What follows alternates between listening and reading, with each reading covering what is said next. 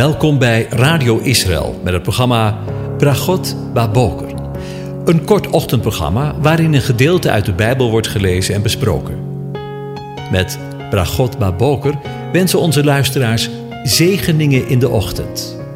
Presentator is Kees van de Vlist. Goedemorgen, Bokatov, beste luisteraars. Vanmorgen denken we weer verder na over Psalm 105 en ik lees de versen 23 tot en met 33 aan je voor. Daarna kwam Israël in Egypte. Jacob verbleef als vreemdeling in het land van Gam. Hij deed zijn volk zeer toenemen en maakte het machtiger dan zijn tegenstanders. Hij veranderde hun hart dat zij zijn volk haten en zijn dienaren listig behandelden. Hij zond Mozes zijn dienaar en Aaron die hij verkoren had. Zij verrichtten onder hen de tekenen die hij bevolen had, de wonderen in het land van Gam. Hij zond duisternis en maakte het duister. Zij waren zijn woord niet ongehoorzaam. Hij veranderde hun water in bloed en doodde hun vissen. Hun land wemelde van de kikkers, tot in de kamers van de koningen. Hij sprak en er kwamen steekvliegen en muggen in hun hele land. Hij maakte hun regen tot hagel, bracht vlammend vuur in hun land. Hij trof hun wijnstok en hun vijgenboom. Hij brak de bomen in hun gebied in stukken. Over de tijd waarin wij leven gesproken. En ook nu lezen we in het boek Openbaring over een vergelijkbare situatie. In hoofdstuk 8, vers 6 lezen we: En de zeven engelen die de zeven bezuinen hadden, gingen zich gereed maken om op de bezuin te blazen. En de eerste engel blies op de bezuin, en er kwam hagel en vuur vermengd met bloed. En dat werd op de aarde geworpen, en het derde deel van de bomen verbrandde, en al het groene gras verbrandde. En in hoofdstuk 9 van hetzelfde Bijbelboek, daar lezen we: En hun werd geboden dat zij het gras van de aarde geen pijn zouden doen, nog enig groen ding, nog enige boom, maar alleen die mensen die het zegel van God op hun hoofd voorhoofd hebben. Weet u, we zijn al een poosje bezig met deze psalm, met de plagen in Egypte en de plagen die over deze wereld komen. En soms, wanneer ik deze overdenkingen en mijmeringen aan een papier toevertrouw, dan bekruipt me wel eens de gedachte: hoe dom kan de farao wel geweest zijn om op enig moment niet het hoofd te buigen voor de God van Israël en zijn volk te laten gaan. Maar dan lees ik ook weer de woorden uit Exodus 9, vers 16. Maar juist daarom heb ik u laten bestaan om mijn kracht aan u te tonen. Dat is een reden zodat ze mijn naam bekendgemaakt zal worden op de hele aarde.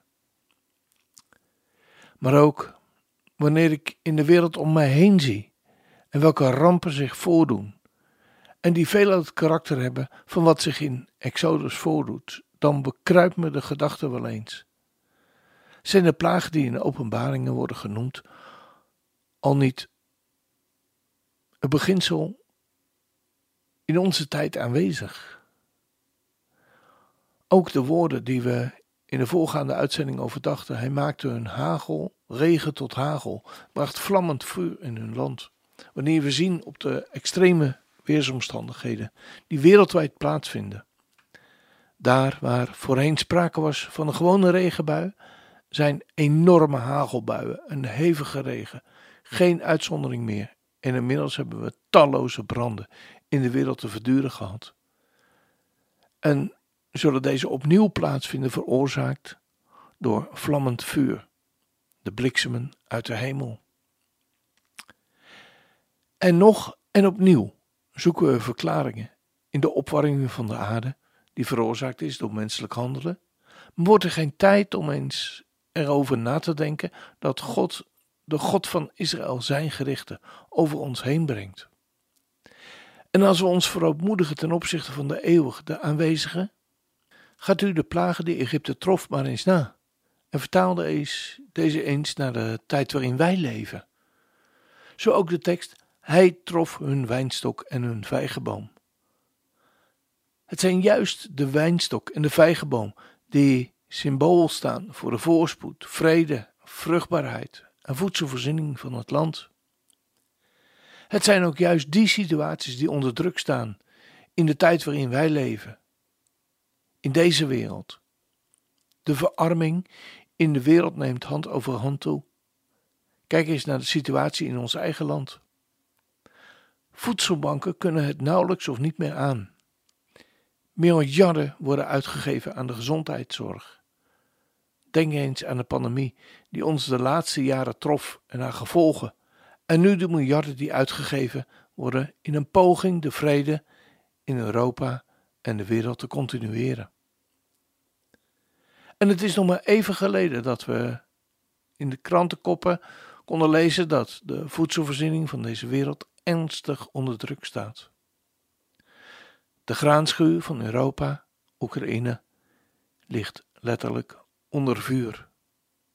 Brood en vele andere producten in de supermarkt zijn onder andere door schaarste stukken duurder geworden. De inflatie is torenhoog. Mensen met een minimuminkomen dragen kopje ten onder te gaan. En wij? Komen wij niet verder dan rationele verklaringen? Zullen we ons niet eens moeten gaan bezinnen over wat werkelijk de achterliggende gedachte is en de achterliggende reden is van al deze plagen die ons treffen? Ik wil echt niet somber zijn, maar wellicht zijn we al veel verder in het boek Openbaring dan we denken. En dat geeft hoop. Hoop op de nabije toekomst. Want Gods woord is een woord, het eindigt niet in de mineur. Want God de aanwezige, JHWH, zij in het begin van deze schepping en aan het begin van de mensheid, daar zij licht en er was licht. Nog even, dan zullen wij het licht met een hoofdletter zien. Want alle oog zal hem zien, komende op de wolken, zoals hij gegaan is. En zijn voeten op de olijfberg plaatsen en recht en gerechtigheid verkondigen vanuit Jeruzalem. Wat een geweldige tijd zal dat zijn. Ik kan er vaak naar uitzien. U ook? Want als dat geen zegen is. Ik moet denken aan de volgende woorden. Nooit kan het geloof te veel verwachten. Des heilands woorden zijn gewis. Het faalt aardse vrienden, wraak aan krachten, maar nooit een vriend als Jezus is. Wat zou ooit zijn mag beperken? Het heelal staat onder zijn gebied. En wat zijn liefde wil bewerken, ontzegt hem zijn vermogen niet. Die hoop moet al ons leed verzachten. Kom, reisgenoten, het hoofd omhoog, want hen die het heil des Heren wachten, zijn bergen vlak en zeeën droog. O zaligheid, niet af te meten, o vreugd, die alle smart verband. Want daar is de vreemdelingschap vergeten. En wij, wij zijn in het vaderland.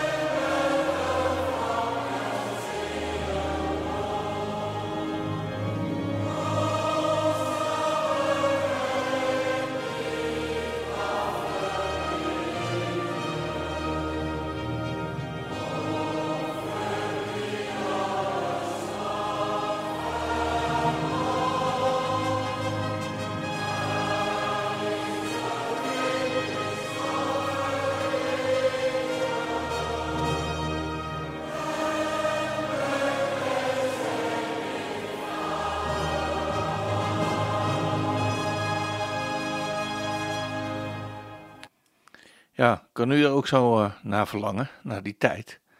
Uh, ik ben het leven nog helemaal niet zat hoor. Uh, echt, niet, echt niet waar. Maar ik kan er wel heel erg naar uitzien. Dat we straks verlost van alle zonde, van alle pijn, uit mogen zien. En Hem zullen zien. Van aangezicht tot aangezicht. Dat, dat zal wat zijn. Beseffen we dat wel voldoende? Misschien vandaag. Je weet het nooit. Hè? Eh, de Heer heeft gezegd, ja, die tijden zijn in de hand van de Vader. En wij kunnen allerlei theorieën erop loslaten. Maar uh, de Vader ziet het. En bij Hem is het in goede handen. Um, ja, dan eindigen we ook deze uitzending weer met u God zegen toe te wensen. De Heer zegene en hij behoedt u. De Heer doet zijn aangezicht over u lichten en zij u genadig. De Heer verheft zijn aangezicht over u en geeft u zijn vrede, zijn shalom. Amen.